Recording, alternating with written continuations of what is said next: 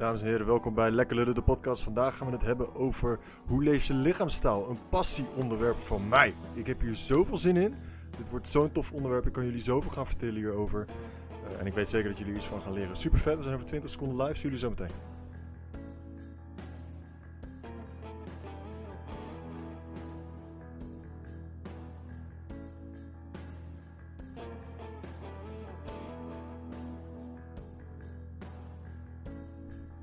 dames en heren, leuk dat jullie meekijken. We gaan zo meteen live.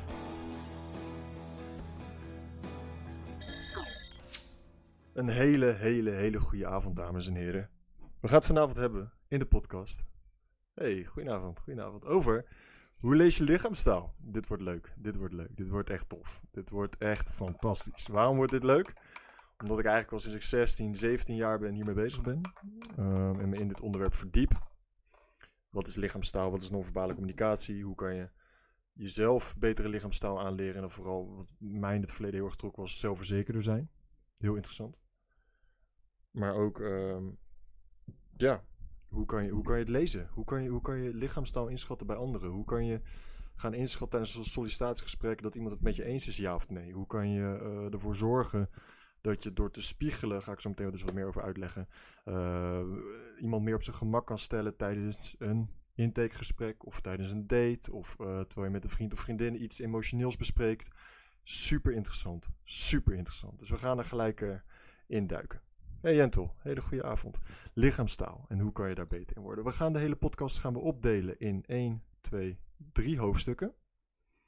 En die ik zelf in elkaar heb geflanst. En het eerste wat ik wil zeggen als we het gaan hebben over lichaamstaal is, is een aantal uh, ja, disclaimers wil ik niet noemen, maar een aantal punten die wel heel erg belangrijk zijn. Eén is, lichaamstaal spreekt iedereen. Het is een universele taal. Um, en vooral de emoties die je terug gaat zien in het gezicht. We hebben wel kleine nuances als dat in China uh, bepaalde gebaren anders zijn dan hier in het Westen. Ja, maar de emoties waar we vandaag vooral op in gaan duiken, want dat is waar lichaamstaal voornamelijk om gaat, um, is altijd universeel. We hebben allemaal dezelfde woede, uh, blijdschap, uh, et cetera, et cetera. Ja, dus lichaamstaal is voor iedereen van toepassing. Heel interessant. Uh, daarnaast is lichaamstaal 60 tot 80 procent. En het is heel erg grappig als je gaat googlen. Zie je dat iedereen daar anders. Oh nee, 80 procent is lichaamstaal van de communicatie die we hebben naar elkaar als mensen. Of 90 procent is lichaamstaal, 40 procent. Het zit ergens tussen de 60 en 80 procent. Dat is allemaal lichaamstaal in communicatie of we naar elkaar communiceren. Nou, wat bedoel ik daarmee? Woorden zijn slechts maar 20 procent van de totale communicatie. Dus jij begrijpt mij voornamelijk. Woorden zijn trouwens wel essentieel hoor, vergis me niet. Uh, maar we begrijpen elkaar voornamelijk door lichaamstaal. Ga ik zo meteen, again, weer wat dieper. Wel heel belangrijk. Um, op het moment dat jij mensen gaat readen, dus jij hebt deze podcast geluisterd en je hebt zoiets van holy shit, oké, ik heb wat dingen gehoord, daar kan ik ook echt wat mee. Onthoud dat, en dat ga ik zo meteen dieper uitleggen weer, uh, dat lichaamstaal lezen, zelfs door de experts die hier, het, het, is, het wordt gezien als een artvorm, niet een daadwerkelijke wetenschap, het wordt gezien als een artvorm, is op zijn best 70% accuraat. 70%. Ja? Dat is vrij accuraat. Dat is vrij accuraat. Maar hou echt rekening met het feit dat als jij dit gaat toepassen op mensen om je heen, je geliefde, wat ik trouwens niet heel erg aanraad, uh, maar kan. Uh, of, of op je werk of whatever. Het is tot, um, nou wat ik zei, 70% accuraat. Nou gaan we eigenlijk gelijk beginnen met, uh, met onze stap 1. En dat is, wat het meest belangrijk is op het moment dat je lichaamstaal gaat leren lezen, is leer emoties kennen. Weet wat emoties zijn komen gelijk bij een interessant plaatje. Dit is Paul Ekman. Ekman, Ekman. En Paul Ekman is eigenlijk een beetje de, um, ja, de, de, de pionier, de, de oprichter van studies naar lichaamstaal en non-verbale communicatie. Als je hem opzoekt, ga je een aantal dingen vinden. Je gaat vinden wat hij zo al heeft gedaan. Je gaat vinden dat er een serie, ga ik zo meteen nog een stukje van laten zien, Lie to Me. Dat is een serie geweest op uh, ja, Netflix, wil ik het niet noemen, maar op tv een hele tijd terug. En in die serie, de personage van Carl Edmund is gebaseerd, van Light Me is gebaseerd op Paul Ekman. Fantastische serie. Dit is de serie die ik heb gekeken toen ik 16 was, waarvan ik dacht, wow, dit wil ik ook kunnen. Dit wil ik ook kunnen. Als jij interesse hebt en je wil verdiepen in lichaamstaal, non-verbale communicatie, ga je deze serie kijken. Deze serie is fantastisch. Nou, als je Paul Ekman gaat googlen, dan vind je eigenlijk al vrij snel um, de, de, de, de, de atlas van emoties. Wat ik al zei, als je lichaamstaal wil gaan leren lezen, leer emoties kennen. Nou, de atlas van emoties, Die vind je hier. Dus die kan je gewoon googlen. Atlas of Emotions. Hopelijk kunnen jullie het zien. En deze website ziet er trouwens... Ik, ik heb het scherm hier ingekort voor de podcast. Maar op een totaal op je eh, telefoon of op je eh, desktop of laptop ziet het er allemaal veel beter uit. Ehm, en hier heeft Paul Ekman al zijn research gedaan naar emoties. Even kijken of ik hem opnieuw kan opstarten. En hier kan je exact zien welke emotie wat is. Wat de kenmerken zijn van die emotie waar het in... Hier. Welcome to the Atlas of Emotions. The Atlas is an interactive tool that builds your vocabulary of emotions and eliminates your emotional world. Begin. Nou, de timeline. Dus je hebt hier anger, fear, disgust, sadness en enjoyment. Nou, dus a friend gets angry with you, you feel sadness, be ashamed. Ja, dus daar, daar kan die emotie voor zorgen. A friend gets angry with you, you feel disgust, belittle them. Dus je kleineert ze. Angst. A friend gets angry with you, you feel fear, imagine them leaving. Oké, dat is eentje vanuit angst. Anger. A friend gets angry with you, you feel anger, en je begint ruzie te maken met die persoon. Nou, dan kan je bijvoorbeeld, how does this happen? Of komt dat nou door deze website? Oh, nee, dat komt door hoe die hier in elkaar zit. Experience responses. Deze is interessant. Deze is gaaf. Dus dan heb je enjoyment. En dan heb je hier een x aantal reacties. Ja, dit komt omdat hij op, op, groot scherm zit bij mij. Even kijken of we hem meer uit kunnen. Ja, oké. Enjoyment. Ja. Compassie, joy, peace, Nashes, excitement, ecstasy. Dus het zijn de verschillende stadia's van blijdschap. Nou, je moet hem even openen op je laptop of, uh, of computer, dan wordt hij in één keer een stuk duidelijker. Um, als je wil leren over emoties, is dit de website waar je jezelf op moet vinden. Hier zie je dus ook wat voor reacties. Uh, response to feeling of disgust by throwing up. Oh, hier. Treat someone as though he or she is not human of being deprived. Sadness. Nou, heb je hier reacties vanuit verdriet. Um, our response. Even kijken of hij die pakt dan nu. Nee, pakt hij niet. Oké, nou, maar niet uit. Open deze op je laptop als je wil leren over um, emoties. En je gaat hier heel erg veel leren. Oh, your response, a good feeling around people. Nee, pakt hij me niet. Komt omdat die website zo klein is. Ja, strategieën heeft hier ook van emoties kunnen lezen. Super, super, super, super boeiend. Echt een dikke aanrader. Deze website, uh, atlasofemotions.org, is echt fantastisch. Nou, dat is stap 1. Dus het eerste wat je gaat doen op het moment dat jij gaat verdiepen in emoties of in lichaamstaal, is je gaat emoties leren kennen. Waarom? Er hangt een soort van uh, mythe rondom het lezen van lichaamstaal. Dat je aan hoe iemand kijkt al gelijk kan zien of iemand liegt, ja of nee. Dat klopt. Ga ik zo meteen dus weer dieper op in. Maar is ook niet helemaal waar. Wat heel interessant is in het lezen van lichaamstaal en achterhalen hoe iemand over bepaalde situaties denkt. Eh, want de vraag is ook even waarom wil je lichaamstaal gaan leren lezen? Heel veel mensen vinden het heel erg interessant om bijvoorbeeld leugens te gaan leren detecteren. Is een heel moeilijk verhaal. Is een heel moeilijk verhaal. Vooral als je hier niet heel veel mee bezig bent. Het kan. Het kan. Data en detail is heel belangrijk. Het kan. Um, maar het is heel lastig. Wat interessanter is, is om te gaan kijken naar. Ik ben in gesprek met iemand. Hoe voelt die persoon zich? En wat voor emotionele staat verkeert hij of zij zich? Uh, en hoe kan ik hem of haar op zijn of haar gemak voelen? Um, het, is, het is sowieso niet aan te raden om dit te gaan doen om mensen te gaan manipuleren. Als je dat gaat doen, is de slippery slope. Mensen hebben je ook vaak door als je dat doet. Uh, het is ook niet heel erg handig om deze skills in te zetten om uh, iedereen, dus ook je vriendin of je ouders, constant te gaan readen. Het is wel heel erg handig om uh, sociale situaties in te kunnen schatten. Waar sta ik in deze situatie? bijvoorbeeld voor een sollicitatiegesprek gebruik ik dit heel veel, deze theorie. om bijvoorbeeld mijn kans te vergroten om aangenomen te worden. We gaan gewoon gelijk door naar het volgende onderwerp. Begin weer lekker te brammelen. Nou, deel 2 is even kijken hoor. 1. Leer emoties kennen. Alle lichaamstaal rust op emotionele staten waar iemand in verkeert. Heb ik opgeschreven welke emoties iemand in een bepaalde setting voelt. Kan weggeven wat iemand van binnen voelt met betrekking op data. Ja, dus stel ik zeg tegen iemand om nog even te nuanceren. Um, hey, ga je mee dit weekend wat leuks doen? En ik zie dat iemand zijn lichaamstaal in één keer verandert. Dat heet een uh, positive spike, als ik het goed zeg. Uh, dan, dan weet je, kan je heel snel inschatten: hey, deze persoon wil wel of niet met mij dit weekend wat doen. Uh, op basis daarvan kan jij weer je vraag aanpassen. Of je, of je je vraag naar behoefte aanpassen op het weekend. Of zeggen van nou laat maar. Ik zie dat je er geen zin in hebt. Lekker boeien. Ik noem maar wat. Um, dus, dus emoties zijn heel interessant om te herkennen van hoe reageert iemand op de vraag die jij net hebt gesteld. Of op wat jij voor data net hebt aangekaart. Nou, gaan we naar een stukje theorie toe. En hier ga, hier, hier ga je dingen van leren, oké?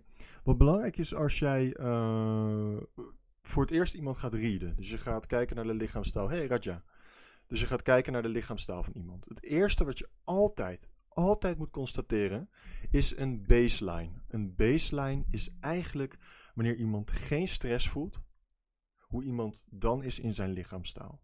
Dit verklaart ook waarom ouders vaak onbewust goed kunnen voelen of hun kind liegt te ja of te nee. Zij weten de baseline van hun kind en een baseline weet je het beste op het moment dat jij vaak en veel tijd doormaakt met iemand. Alright? Dat is de baseline. Dat is heel erg belangrijk. Dat zie je ook als uh, analisten gaan kijken naar seriemoordenaars of naar een verdachte in een rechtszaak. Ze, ze kijken eerst naar de baseline. Hoe is deze persoon um, op het moment dat hij of zij mm, niet onder stress staat? Wat voor stress dan ook. Gewoon relaxed. Gewoon chill. Oké, er is niks aan de hand. Relax. Lekker dagje, mooi zonnetje. Dat is iemands baseline. Alright? Een baseline kan ook zijn wanneer iemand uh, bij jou komt op een sollicitatiegesprek en iemand is een beetje nerveus. Hoe kan je die baseline duidelijker krijgen? krijgen? Uh, maak iemand op zijn gemak. Het is oké, relax, voel je een glaasje water. Uh, ga iemand spiegelen. Ga ik zo meteen even wat dieper op induiken dus. Uh, maar creëer dat iemand zonder stress zit. Zo krijg je een baseline. En vanuit die baseline kan je heel erg makkelijk iemand gaan readen. Daarom ken jij waarschijnlijk ook je vrienden of vriendinnen beter, familie beter. Hun baseline heb je eigenlijk al heel vaak gezien. Je weet hoe ze zijn. En hoe beter je iemand kent, hoe makkelijker het is om iemands lichaamstaal te gaan lezen. Ja, dat is key. Baseline is belangrijk. Zonder een baseline kan je geen lichaamstaal lezen. Je hebt mensen die zijn van de natuur al wat meer gestrest. Dat is hun baseline. Ook dat. Met zo min mogelijk stress. Alright? Het kan zijn dat ze zelf stress activeren in hun hoofd met gedachten en dat soort crap. Uh, in principe is een baseline hoe iemand gedurende de dag het meeste is. Ja? Uh, dan is belangrijk als je lichaamstaal gaat lezen, is dat je vooral in clusters denkt. Dus voornamelijk in clusters. Wat ik daarmee bedoel, is dat iemand die zijn wenkbrauw even gek optrekt tijdens een gesprek, dat is niet iemand die per definitie liegt. Iemand, als jij een bepaalde, maar dan komen zo meteen bij spikes, op het moment dat jij iemand een vraag stelt en na die vraag, direct na die vraag, krijg je een positive spike. Dus iemand neemt heel erg toe in lichaamstaal. Ja? Dus iemand zijn hartslag gaat omhoog, iemand zijn ademhaling wordt dieper, iemand vermijdt oogcontact. Dat heet een positive spike. Iemand zijn lichaamstaal neemt heel erg toe in korte tijdsduur. Ja? Um, we hadden het over een cluster. Dan heb je een cluster van lichaamstaal. Wat, ervoor, wat, wat eigenlijk nog een hogere eh, reden kan geven totdat iemand wel of niet liegt. Een hogere conclusie. En dat heet weer art of deduction. Daar ga ik zo meteen ook nog even kort over vertellen. Heel veel dingen die door elkaar gaan, maar dat is even belangrijk. Ja? Dus um, denk altijd in clusters. Um, een heel mooi voorbeeld is dat, dat wat je, een, een, een fabeltje wat je hoort. Iemand met zijn armen over elkaar, dat is iemand die is niet geïnteresseerd. Dat is niet waar. Kijk naar de context. Denk in clusters, denk in context. Ook weer uh, heel veel dingen door elkaar. ja, het, het, is allemaal heel belangrijk. Um, iemand met zijn armen over elkaar. Kijk naar de context. Ja, mensen zijn inderdaad vaak een hoop. Maar kijk naar die context. Is iemand, uh, is het koud buiten? Heeft die persoon het koud? Zijn de schouders hoog? Wat voor clusters zie je? Wat zie je allemaal nog meer? is heel erg belangrijk op het moment dat je gaat iemands lichaamstaal. Je ziet dus ook heel vaak van, oh, hij is niet geïnteresseerd. Nee, hij is gewoon relaxed. Armen over elkaar is ook een fijne positie.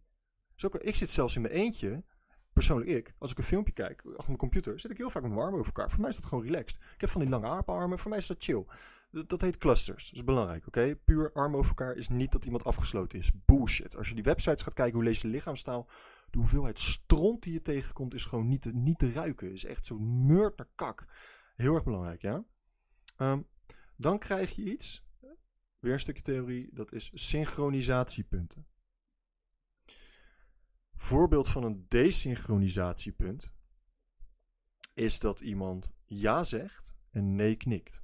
Dat heet een desynchronisatie. Een synchronisatie, je ziet het al, is als iemand zegt ja, ik voel me kut. Als iemand zegt ja, ik voel me top. Dat heet een desynchronisatie. Ja, dat is ook een stukje wat je weer in combinatie met wat ik net uitlegde, dus clusters en context. Context is dus ook mega belang iemand die, die buiten staat en het koud kan hebben, is niet per se niet geïnteresseerd met armen over elkaar. Oké? Kan ook gewoon een relaxte houding zijn voor die persoon. En dat hangt weer af van de context en van de clusters waarin je het samen moet zien. En als je dit gaat trainen, ga je op een gegeven moment ga je er automatisch al wat beter in worden. Een soort van automatisme krijg je dan. Uh, synchronisatiepunt is als de lichaamstaal klopt met wat iemand zegt. Desynchronisatie, synchronisatie, ja, een desynchronisatie is wanneer dit niet klopt. Bij een desynchronisatie krijg je ook eigenlijk heel erg vaak dat je zegt van, ja, ik heb zo'n onderbuikgevoel dat deze persoon iets zegt en ik vertrouw hem niet helemaal. Waarschijnlijk heb je onbewust, hè, want onbewust is ons lichaam heel goed in ons veilig houden en om, om uh, onreine lichaamstaal en communicatie eruit te filteren, krijgen we een hunch, een soort onderbuikgevoel. Een soort van, hé, hey, ik, ik merk hier iets aan, iets wat, wat, wat niet klopt. Deze persoon ligt, hij is naar persoon, gevaarlijk, niet oké, niet oké. Ja, dat is een onderbuikgevoel, dat is vaak, niet altijd, vaak vanuit een desynchronisatie in iemands lichaamstaal. Next. Gaan we naar spiegelneuronen. Nou, en dit is iets wat je heel erg in je voordeel kan gebruiken. Spiegelneuronen zijn neuronen, die zitten in ons menselijk lichaam. Volgens mij zitten, we in, zitten in ons, zitten gewoon in het menselijk lichaam, zitten in ons hoofd. Um, en uh, de spiegelneuronen zorgen er eigenlijk voor dat wanneer wij uh, het eens zijn met iemand, dat we iemand spiegelen in lichaamstaal. Wat je vaak ziet, ik kan wel, ik kan wel een, voorbeeldje laten zien hier. Uh, even kijken hoor.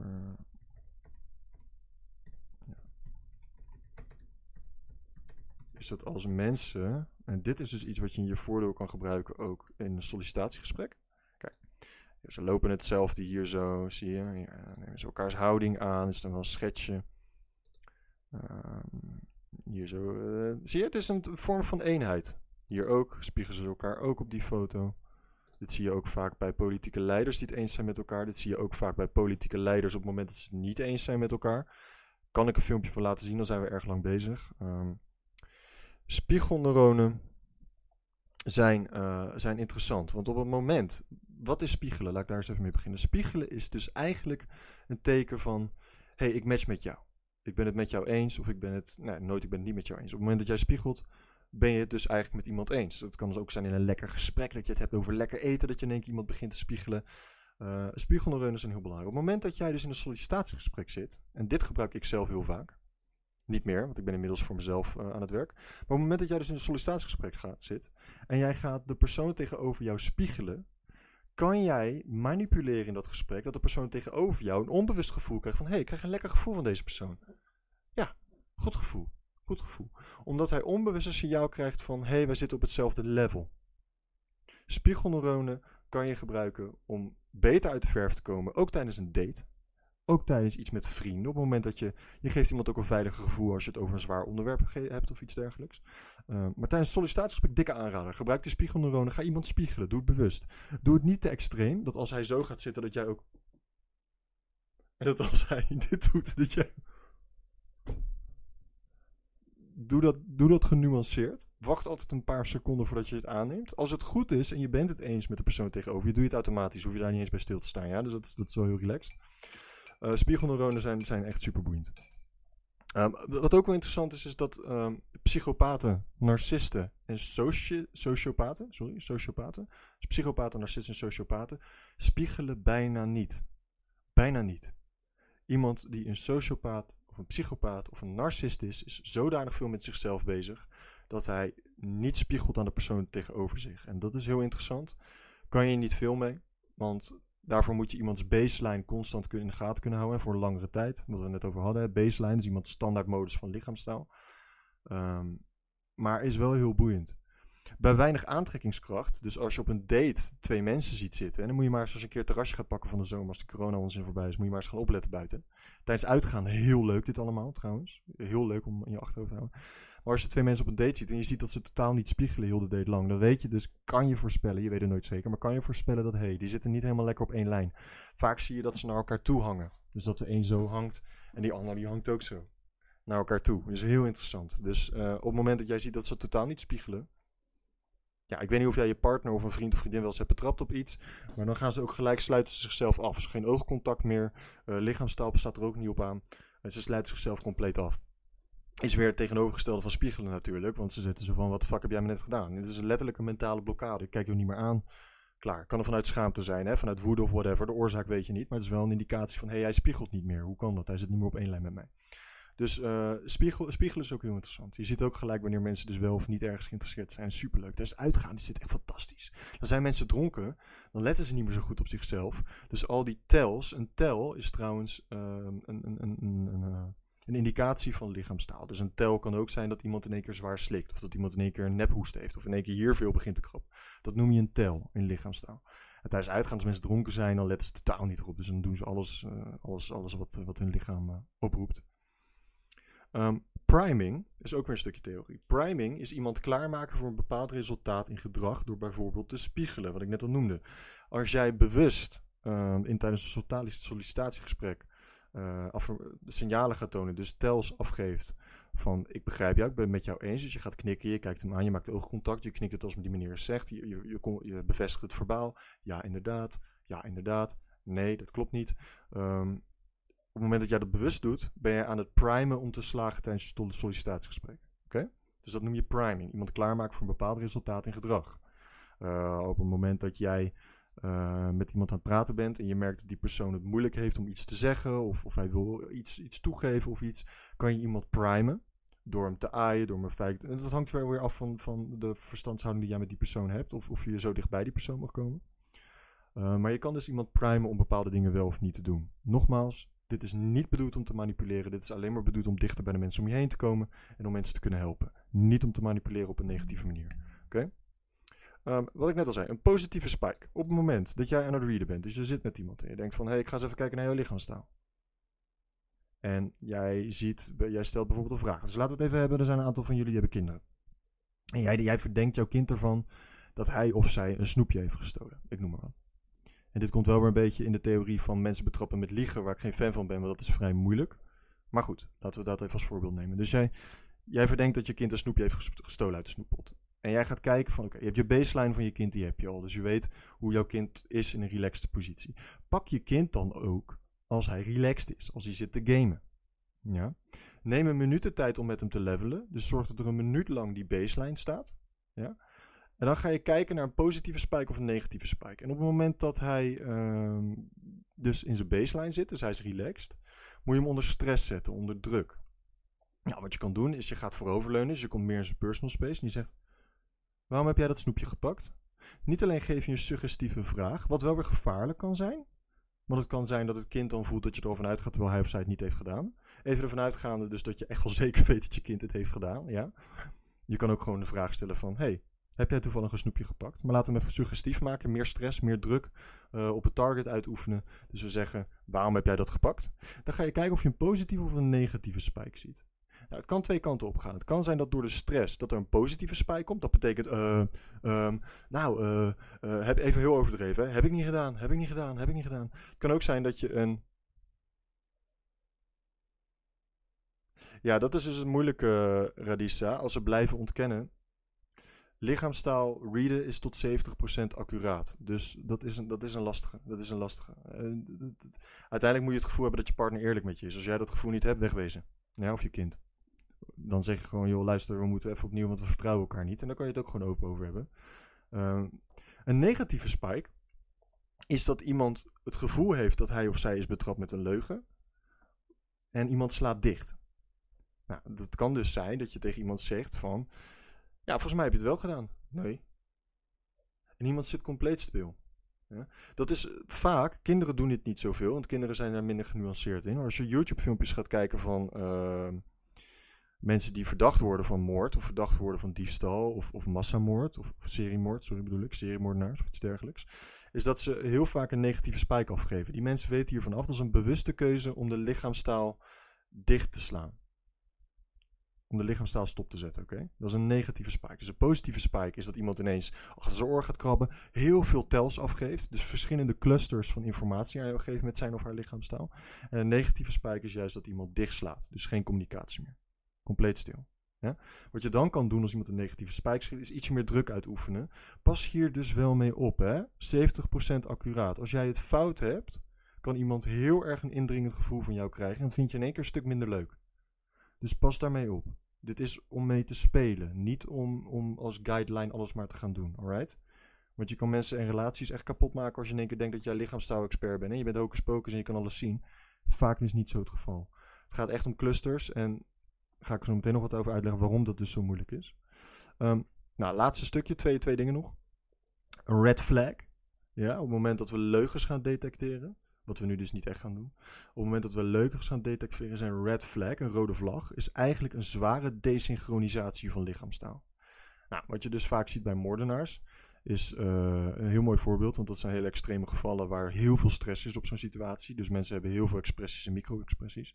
Een red flag is letterlijk, ik heb het niet gedaan.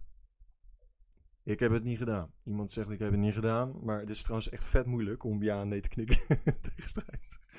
Maar ik heb het niet gedaan, is een waanzinnige rode vlag. Want je hebt een ontzettende desynchronisatie. Iemand knikt ja, maar zegt nee. En de lichaamstaal ligt vaak niet. Oké? Gaan we naar de signalen. Dus verschillende dingen die mensen doen. En waar je dat aan kan herkennen. Oh ja, om even nog een stukje terug te schakelen. Hier zie je dus emoties. We het in hoofdstuk 1 hoofdstuk 1. Onderwerp 1 hadden we het over uh, emoties. Nou, hier zie je dus sadness. Dit kan je gewoon googlen. Hè? Dus verdriet, wakker, drooping upper eyelids, losing focus in the eyes, slight pulling down of uh, lip corners. Contempt, dus dat is verachting. Surprise, anger, disgust en fear. Dit is weer van de serie Lie to Me. Ik zweer het je, als je hier beter in wil worden, ga die serie kijken. Het is wel gehollywood, dus de micro-expressies, ga ik zo uitleggen. De micro-expressies zijn heel erg overdreven. Maar dit is, dit is echt key. Dit is echt key. Dit is fantastisch. Nou, hier zie je dus study the eyes, gaze at the face, pay attention to proximity, dus de omgeving, dat is wat ik zei, contextgericht. Uh, see if the other person is mirroring you. Dus heb je een spiegelneuroon, kan je dus zelf ook in gang zetten om een beetje te gaan manipuleren. In positieve zin manipuleren. Hè? Dus tijdens een sollicitatiegesprek gaat het niet echt de goede kant op. Begin iemand te spiegelen, kopieer een beetje zijn of haar lichaamstaal. Heeft iemand al snel het gevoel van, oh chill, ik ben het met deze persoon wel of niet eens. Observe the head movement. Look at the other person's feet. Voeten. Kom ik zo meteen nog op bij tells. Ja, oké, we kunnen door. Dit is trouwens vet. Laten we aan het einde even zien. Oké. Ehm, positieve spike, negatieve spike, red flags, uh, tells. Een tel is dus een, een, een signaal van lichaamstaal wat je waarneemt. Oké. Signalen. Hand voor de mond is geen beurt om te praten. Juist. Wat ik vaak merk, en ik doe het onbewust, ik moet dan heel, altijd heel erg lachen om mezelf, is als ik naar iemand luister, dan doe ik dit. En dit is eigenlijk een non-verbaal teken van ik ben naar jou aan het luisteren. En ik voel niet alsof het nu mijn beurt is om te praten. Ik moet heel veel lichtje aanschieten, twee seconden.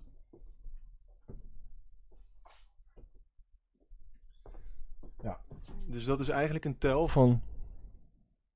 Oh ja, het is nu, ik ben nu aan het luisteren. Ik ben aandachtig aan het luisteren. Ja, dus ik ben nu gewoon allemaal signalen, allemaal tels ben ik met jullie aan het doornemen. Ehm, een andere die we wel allemaal kennen is handen open, is kwetsbaar. Hè, als we miljoenen jaren teruggaan naar de uh, in evolutietheorie, was heel erg vroeger maakten we, communiceerden met elkaar op twee manieren. Geluiden en lichaamstaal non-verbale communicatie. Ja? Als iemand zo op je afkomt, je ziet toch gelijk dat dit een dreigende houding is. Dit is een houding van ik weet het niet. Maar ook, ik heb geen wapens in mijn handen. Ja? Ons buik is ons meest kwetsbare plek. Samen met ons hoofd is ons buik op het moment dat hier een scherp object doorheen gaat vallen al je ingewanden eruit, ben je eigenlijk al heel snel game over. Dus dit is letterlijk een teken van ik geef mijn buik bloot. Ik, ben, ik voel mij veilig bij jou, ik voel mij onderdanig bij jou. Honden doen dat ook, die gaan op hun rug liggen. Ja? Dat is hun non-verbale communicatie van ik geef me over. Dit ook. Um, dat zie je heel veel sprekers ook doen. Die doen heel vaak dit. Vooral op het moment dat ze informatie vergaren. Dit is weer dominant. Zie je? Als we naar iemand wijzen, is het ook zo. Hand naar beneden. Het is niet zo. Het is niet zo. Het is zo jij dit, jij dat, jij zus, zus, zo. Als we iemand slaan ook, is de handpalm naar beneden. Zo slaan is een beetje raar. Dat voelt ook raar. Voelt heel ongemakkelijk. Ja, zit allemaal heel diep in ons, uh, in ons brein. Dus handen open is, is kwetsbaar. Betekent ook, ik heb, niks, ik heb niks te verbergen. Ik ben open en eerlijk. Vaak als mensen excuses aanbieden in filmpjes of whatever. Ja, maar ik heb het niet gedaan. Ja, maar ik heb het niet gedaan. Ik geef me over. Zie je? Het zijn allemaal gebaren van handpalmen naar jou toe. Ik heb niks in mijn handen. Ik ben niet gevaarlijk. Oké? Handen omlaag is dus dominant. Dit is een leuke. Want als je dus gaat kijken bij, um, bij politici en bij Bill Clinton, die is op een gegeven moment is die. Uh, uh, hè, was op een gegeven moment met Bill Clinton in Amerika was toen het ding dat hij dus vreemd zou zijn gegaan. En dan zegt hij: I did not have sex with that woman. Niet alleen zegt hij that woman. Wat al interessant is, want Paul Ekman heeft ook voorspelling gedaan, hij liegt nu. En dat klopte dus ook, hij was vreemd gegaan. En that woman is ook weer een afstand nemen van de situatie. Hey Mandy, leuk. Uh, that woman is afstand nemen van een situatie. That, terwijl het was zijn iets. Het was iets van hem. Dus het is heel raar om te zeggen that woman. Dat daar. En dat zie je dus ook. Dus ook uh, Wyatt Russell, moet ik het goed zeggen, is een seriemoordenaar geweest. Daar is ook een lichaamstaal-expert bij. Uh, en hij werd verdacht van dat hij zijn vrouw en kinderen had vermoord. En hij zegt, I did not kill those children.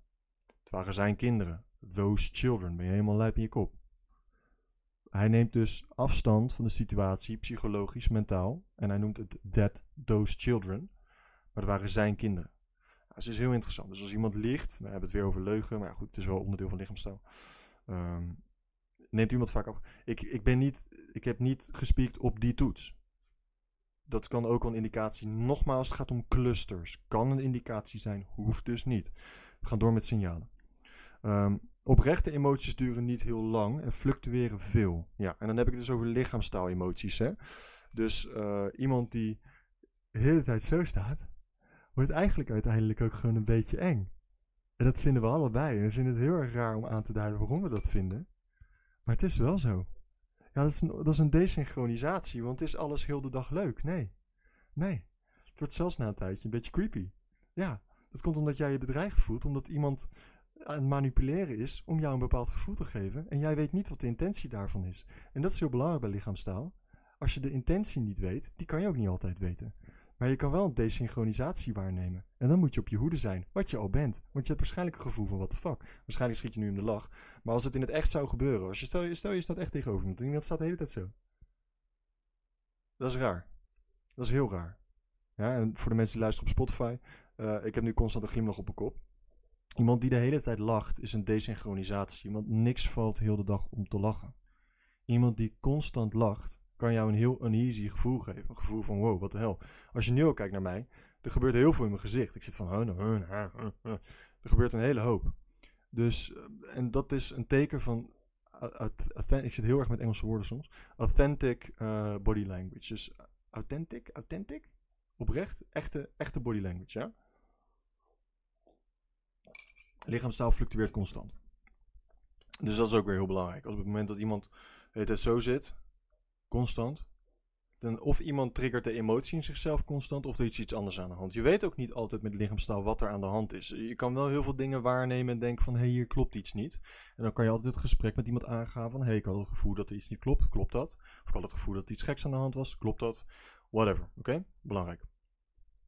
Um, ja, ik heb je oogcontact vasthouden, vind ik een beetje te vaag. Hangt ook weer af van de context natuurlijk. Ehm, personal space, afstand. Ja, we hebben allemaal een eigen grens van personal space. Oké? Eh, heel simpel uitgelegd. Je moeder laat je heel dichtbij. Je partner laat je nog dichterbij. Die laat je op seksueel vlak dichterbij. Dus dan ben je echt verstrengeld met elkaar. Daar zit heel veel vertrouwen als het goed is. Als het goed is. ja? Dus je, je, partner komt eigenlijk het meest dichtbij. Daarna je moeder vaak, of je vader, of je broers of zussen. Vrienden kunnen ook in dezelfde space komen. want uiteindelijk is familie is een band die je met iemand hebt. En niet per se de, hetgeen, uh, niet de, de, de bloed, uh, noem je dat? Ja, je bent blood related, maar wat ik bedoel is dat je zeg maar een band op hebt met familie, omdat je heel lang bij elkaar bent. En vrienden kunnen net zo dichtkomen bij die band als wat je met familie hebt. Bla. Um, personal space. Heel interessant ook. Met uitgaan is het dus heel erg leuk. Je ziet heel erg snel wanneer mensen vinden dat iemand. Ze gaan een beetje naar achter leunen. Komt er zo'n jongen bij zo'n meisje bijvoorbeeld. Fucking leuk. En die begint al te flirten en zo. Een beetje dronken stel. En dan. Waar, waar woon jij? Zo helemaal zo bij dat oor. En dan zie je dat meisje al. Helemaal zo wegtrekken. Zo. What the fuck? What the fuck? What the fuck? En je ziet nu dat ik het naspeel, want ik houd het veel te lang vast. Maar echt meisje doet. Eeuw, eeuw. is heel kort. Dus uh, super interessant. Personal space. Kan je ook weer gebruiken tijdens een sollicitatiegesprek. Of als je iemand ontmoet of tijdens een eerste date. Kijk naar iemands lichaamstaal. Op het moment dat jij wat dichterbij komt, voel je je prettig bij elkaar. Vaak voel je dat ook heel natuurlijk aan, die energie. Dat is ook wel weer een beetje dat je die expressies dus automatisch waarneemt. Maar je voelt heel natuurlijk aan vaak kan ik dichtbij deze persoon of ben ik te dichtbij of niet. En het is ook niet, denk er ook niet te veel over na. Probeer het ook intuïtief te doen en gewoon naar te handelen. Op het moment dat je te veel over na gaat denken, kan je jezelf ook een gat in denken dat het allemaal te vaag wordt voor jou. Um, dat is lastig. Dan heb je een soort paralysis by analysis. Dus paralysis is dat je een soort van lam slaat doordat je te veel analyseert. Micro-expressies. Micro-expressies. Dat is kicken dat is ook wel gelijk het hele moeilijkste van lichaamstaal. Een micro-expressie is eigenlijk je lichaam die de waarheid door laat schijnen. Die duren minder dan een halve seconde. Dat is enorm kort. Dat is nog korter dan dat. Want ik probeer het nu na te doen. Dat is waanzinnig kort. Ik zit heel even te kijken of ik daar een voorbeeldje van kan vinden. Ja, juist. Oké, we gaan een stukje kijken. Let op. Kijk mee. Statistically speaking, average person. Dit is de serie Lie to Me. Ja? Dus even belangrijk is dat dit is geamerikaniseerd. Dus het is allemaal uitvergroot en het is allemaal een beetje Hollywood gedaan. Hij is hier iemand aan het analyseren en aan het kijken. Paul Ekman, uh, Nama Guy, hij heet niet Paul Ekman. Deze guy is niet Paul Ekman. Paul Ekman is de echte gast, maar deze guy is nagemodelleerd naar Paul Ekman. Uh, en hij is aan het achterhalen waar een bom ligt. Ja? Aan de hand van lichaamstaal. Check. Tells three lies per 10 minutes conversation. And granted. Oh, it's okay. That's okay. I don't have much faith in words myself. Now, statistically speaking, average person tells three lies per 10 minutes conversation. Drie leugens per 10 minuten And gemiddeld. granted, it's just regular people. We haven't studied in people. En de data hiervan is erg accuraat, want Paul Ekman, waar ik in het begin van de podcast heb gehad, de grondlegger van lichaamstaal, heeft deze serie gebouwd met de schrijvers. En hij heeft ook gezegd, dit wil ik er niet in, dit is niet accuraat of dit wil ik er wel in, want dit klopt met de data. Oké? Dus deze serie is enorm goed in het gewoon bij het rechte eind hebben bij wat lichaamstaal is, en tells en, en signalen, et cetera. planning to firebomb a black church. Differently. We don't have time for this scientist to talk to the guy. We went at him for four hours and got nothing.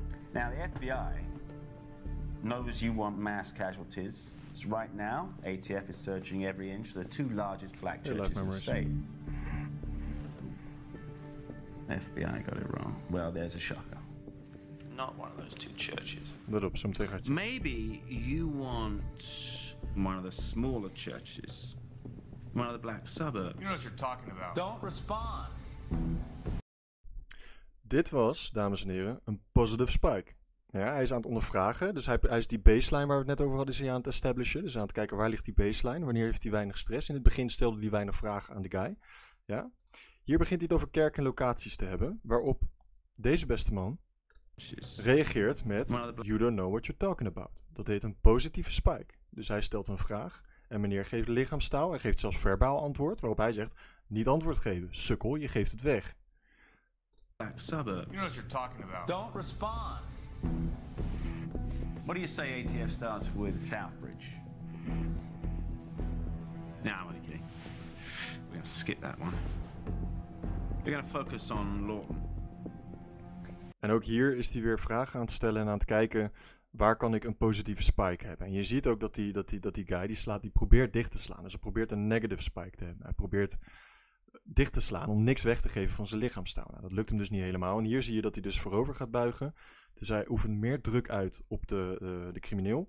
eh, waardoor meer stress, meer druk is meer stress. In de hoop dat hij weer een positieve spike gaat krijgen in lichaamstaal. Nou, en dat lukt natuurlijk ook, want dat is Hollywood. Maar ja, het lukt wel. You feel good about it.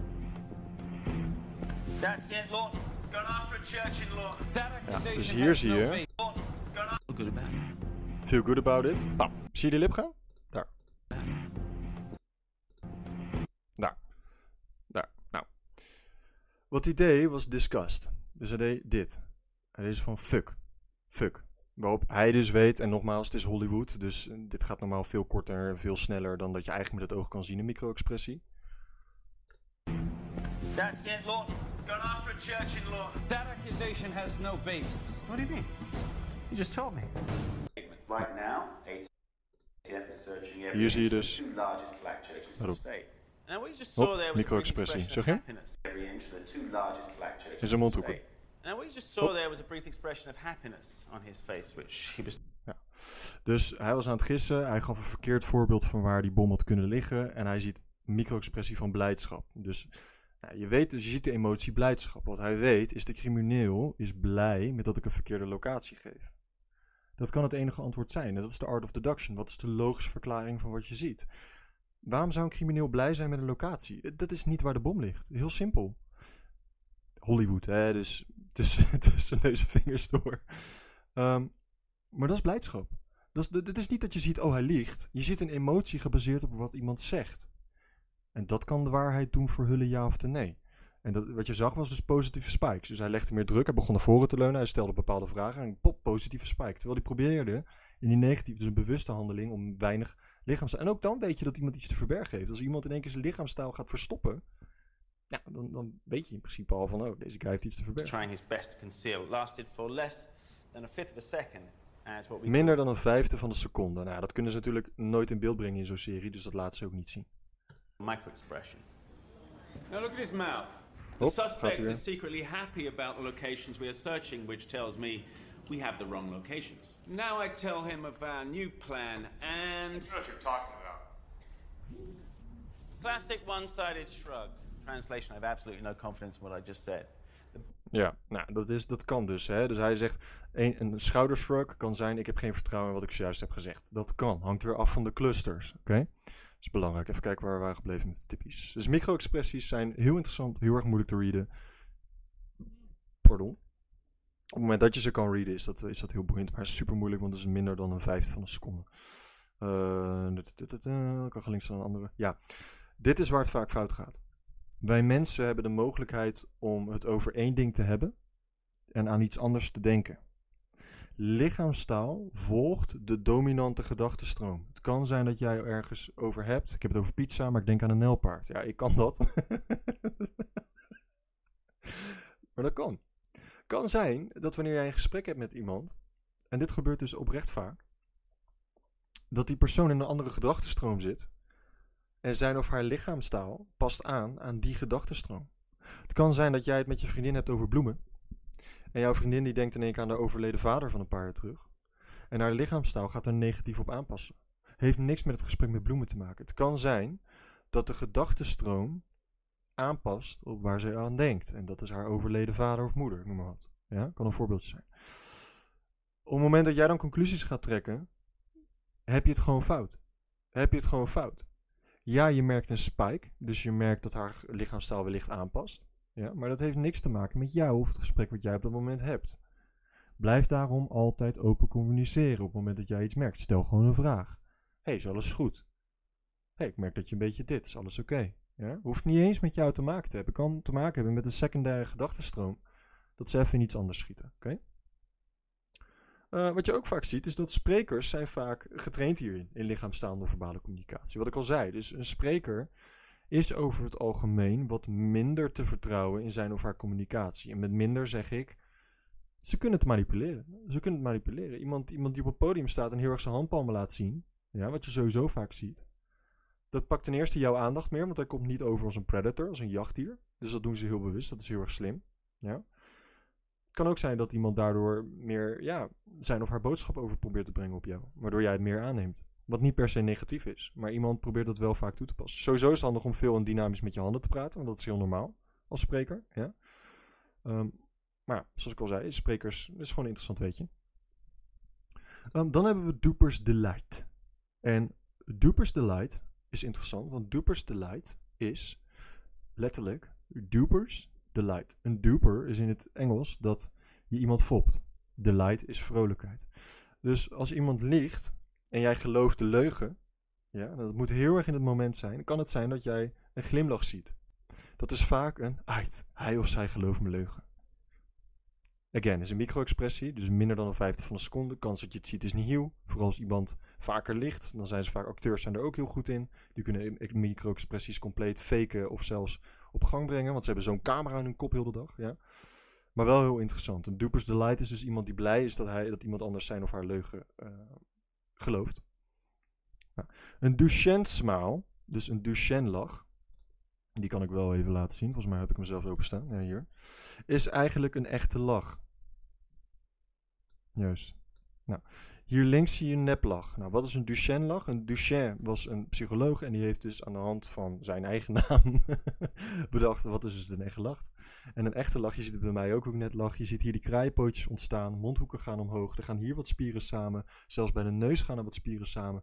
En de mondhoekspieren hier aan het einde die gaan omhoog. Ja, dat is een echte lach. Dit zie je dus ook vaak op foto's. En dit kan ik je zelfs laten zien. Een neplach foto's. Vaak op familiefoto's zie je dit veel. Mee bezig. Ik heb geen... Hou je mond, Siri. Ja, dus hier zie je een mooie neppe lach. Er gebeurt niks met de ogen. De mondhoeken gaan omhoog. Het lijkt echt, maar het is het niet helemaal. Uh, dit is al meer een echtere lach met die... Ja, dit, ik had toch gehoopt dat we echt familiefoto's zouden zien.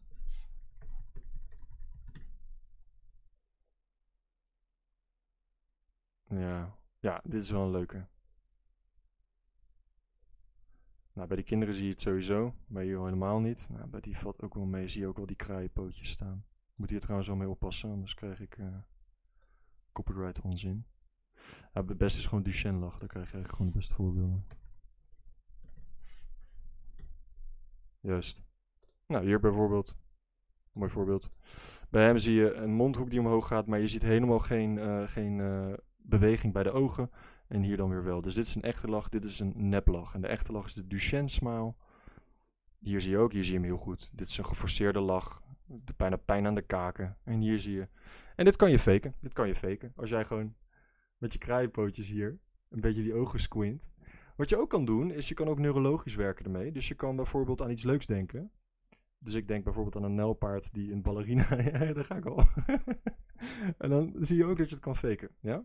Dus als je moet lachen op foto's... en je, je hebt dus echt last, last van neplachen... dus dat je denkt van, nou, ik, vind, ik heb helemaal ik heb dat heel erg. Ik, ik heb, momenten van foto's heb ik zoiets waarom zou ik nou gaan lachen voor jou? Moet ik nou gaan lachen? We hebben dus niet eens een grapje of iets. Ja, ik heb dat heel sterk. Ik voel me echt een mogol als ik ga lachen op een foto en er is niet echt... Ja, en weer terug. Ja, helemaal kut. Dus ik denk vaak aan een aapje die iets grappigs doet. Of oprecht. Of een nelpaard die in een tutuutje een dansje doet. Gewoon echt heel grappig. Ja, maar zo kan je dat dus eh, sturen. En zo kan je ook zien of iemand nep lacht. En dat is leuk. Want dat is in sociale situaties of met uit, uit- uitgaan is ook leuk. Want zo zie je mannen vaak met vrouwen flirten. Die gaan dan zo nep lachen. Zo. Ja. Haha, ja. En dan zie je hier helemaal niks bewegen. En dan denk je, oké, wat fuck ben jij aan het doen dan? Nog een kwartiertje voor de podcast. Moet even opschieten. Ja, dus Duchenne lach is een, is een echte lach. Sorry. Een Duchenne lach is juist een echte lach. En dat kan je dus weer herkennen een aantal punten. Ehm, nou, andere dingen waar je op kan letten met, ehm, met lichaamstaal is... gaat iemand zijn ademhaling omhoog of omlaag? Eh, dus wordt het dieper, wordt het sneller? Eh, wat, wat een indicatie is voor stress vaak... of voordat het fight, eh, fight flight, freeze response in het lichaam aan wordt gezet. Dat is weer een heel ander onderwerp. Op het moment dat wij ons bedreigd voelen. Wat je ook vaak ziet is dat mensen een droge mond krijgen als ze gaan speechen. Dat heeft weer te maken met de fight, flight eh, of freeze response. Eh, op het moment dat jij gaat speechen en, en jij vindt het publiek eng, vind jij het publiek eng. Dat betekent dat er een, in de vorm van, eh, van vijanden is er, vijanden, zo mijn stem, is er een, hoe noem je dat nou? Een threat, een gevaar. Ja? Dus jouw lichaam gaat in, in, heeft drie standen, of vechten, of vluchten, of freeze. Bij herten die gaan in freeze bijvoorbeeld, die gaan dan helemaal die verstijven. Ja? Eh, leeuwen, leeuwen, eh, jachtbeesten gaan vaker in fight. En je ziet dat eh, zoogdieren gaan vaker in flight. De kleinere zoogdieren, dus die vluchten. Nou, dat betekent dat jouw bloed moet naar je spieren om snel te kunnen gaan vluchten, vechten of iets anders te kunnen doen. Ja? Daarom krijg je een droge mond op het podium, vaak, niet iedereen, maar vaak, als je het spannend vindt. Want, ehm, ja, of naar de grond kijken, exact. Dat is ook een freeze response, heel goed, ja, nice. Daarom krijg je weinig eh, speeksel in je mond. Want, want eh, water en bloed, dat moet naar je spieren gaan om snel iets te kunnen gaan doen. Dat is ook een kleine lichaamstaal interessant dingetje. Eh, voetpositie, die is echt heel interessant. Die is ook heel erg leuk tijdens het uitgaan. Op het moment dat jij eh, een groepje ziet en je ziet drie mannen naar een meisje staan, ongeacht van wie er spreekt. Ja, weet je dus dat ze allemaal interesse hebben in de dame. Die kans is aannemelijk. Hoeft dus niet. Hele grote aannemelijke kans. Voeten geven veel weg. Je ziet ook vaak dat eh, wanneer partners ruzie hebben of zo, dat voeten de andere kant op staan. Eh, je ziet het ook dus in een club wie, waar, club wie waarin geïnteresseerd is. Je ziet het ook wanneer iemand dus desinteresse heeft. Dus je ziet ook als je twee mensen ziet praten en één of twee voeten staan weg. Stel ik praat met jullie mijn voeten staan zo. Is dat letterlijk een signaal van ik wil weg hier. Dat is vaak zo. Niet altijd kijk naar de clusters en de context. Belangrijk. Ja? Maar vaak wel. Laten we heel eerlijk zijn. Vaak wel. Voeten geven veel weg. Ehm, dus voeten is echt, eh, ik zweer het je, ga echt een keer stappen binnenkort als, als alles weer mag. En ga kijken naar dronken mensen. Lichaamstaal lekt aan alle kanten. Het is echt een lekking van informatie die je ziet.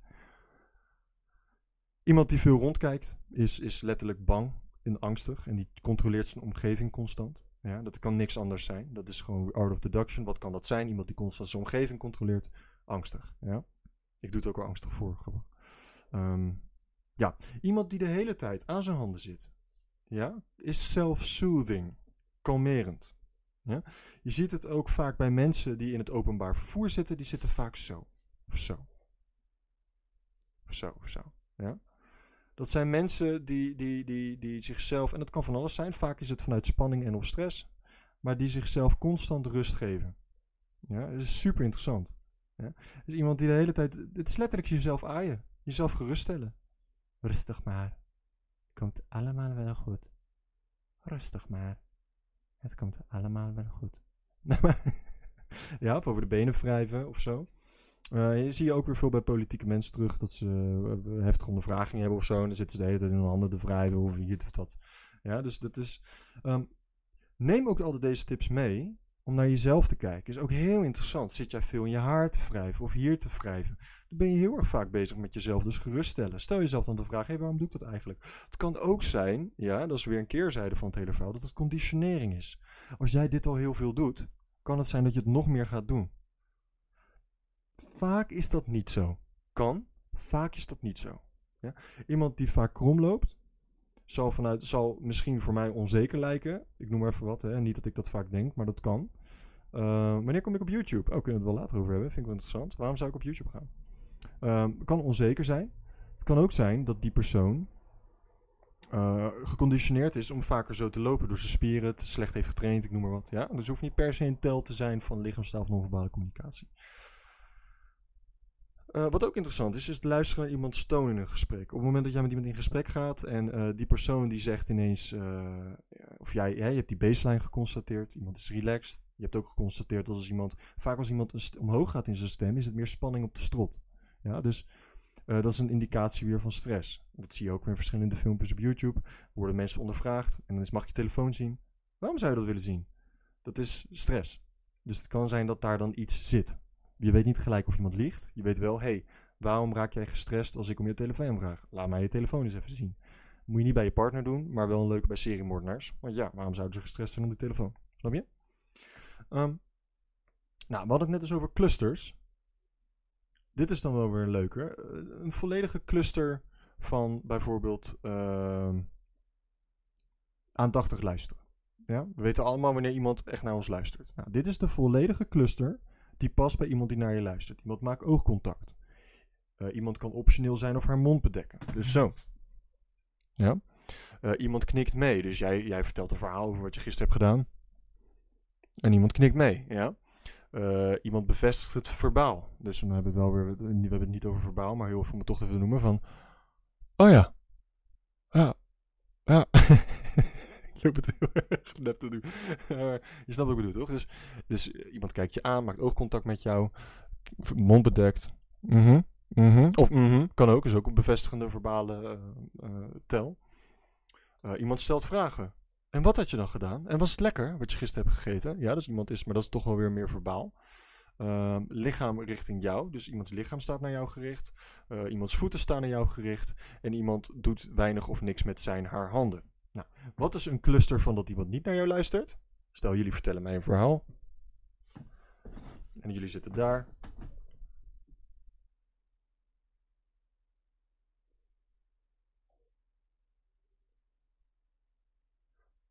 Ja, en totaal geen interesse. Het is al gelijk, waar ben je? Je bent niet hier. Je bent niet hier met mij. Ja? Neem dit mee met je partner, met je vrienden, met je familie. Luister naar iemand. Laat dit merken. En 9 van de 10 keer, als jouw vader of moeder of vriend of vriendin met zijn of haar mobiel in de handen zit, niet naar is zij gewoon niet helemaal op volle 100% met jou of bij jou. Of vinden ze het onderwerp niet interessant, hè? Kan ook. Je weet niet altijd de reden van de clusters die, je ziet, maar je neemt wel iets waar. Ja? Kan ook zijn dat iemand stress heeft, want hij of zij moet nog boodschappen doen en, en de schoonmaakster komt lang, dat moet nog allemaal regelen. Neem niet weg dat hij of zij dan even niet de volle 100% aandacht heeft voor jou. Wel interessant. Ja? Dus een volle cluster is dat iemand je aankijkt, be- bedekt zijn of haar mond, knikt mee, bevestigt verbaal, eh, stelt vragen terug verbaal, eh, lichaam staat naar jou gericht, voeten staan naar jou gericht en heeft niks in zijn of haar handen. Dus is even echt met jou bezig. Ja? Clusters die je ziet die iets anders kunnen bewijzen, kunnen wel weer een andere oorzaak hebben. Ja, dus het kan ook zijn dat iemand veel de benen wrijft, maar het kan bijvoorbeeld ook zijn dat hij of zij een infectie heeft op de benen. Het kan, weet je, ik noem maar wat. Dat is belangrijk. Denk altijd, je, je, kan het sowieso als je het heel goed doet, dit maar 70% goed hebben. At best. Dus ja. Nou, we hadden net over desynchronisaties. Hè? Dus iemand die nee zegt, maar ja knikt, bedoelt ja. En iemand die nee knikt, maar ja, is heel moeilijk, maar ja zegt, bedoelt nee. Heb je zin om mee te gaan van het weekend naar de film? Nou ja, zo moeilijk. ja, dat weet je wel. Iemand heeft dus eigenlijk geen zin. Ja, en dit zie je in de praktijk veel meer dan je denkt. Veel meer dan je denkt. Nou, komen we bij het einde. Hoe kan je dit allemaal gaan oefenen? En dan moet ik ook stoppen, want anders valt mijn podcast uit zichzelf uit. Ehm, ga googlen naar emoties. Ja? Doe, je hebt testjes op, op, eh, op Google. Emotietesten, dat je emoties kan gaan leren herkennen. Je hebt hier, heb ik er toevallig eentje, How to Read Micro-Expressions, die is wel boeiend. Duurt even te lang als ik het nu ga laten zien. Hier hebben we een test. Flow, ja.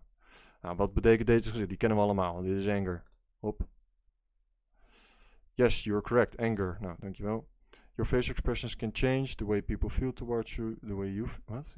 You feel you feel toward the way you feel. Ik snap de vraag niet helemaal. Nou, oké. Eh, wat is deze? Dit is contempt.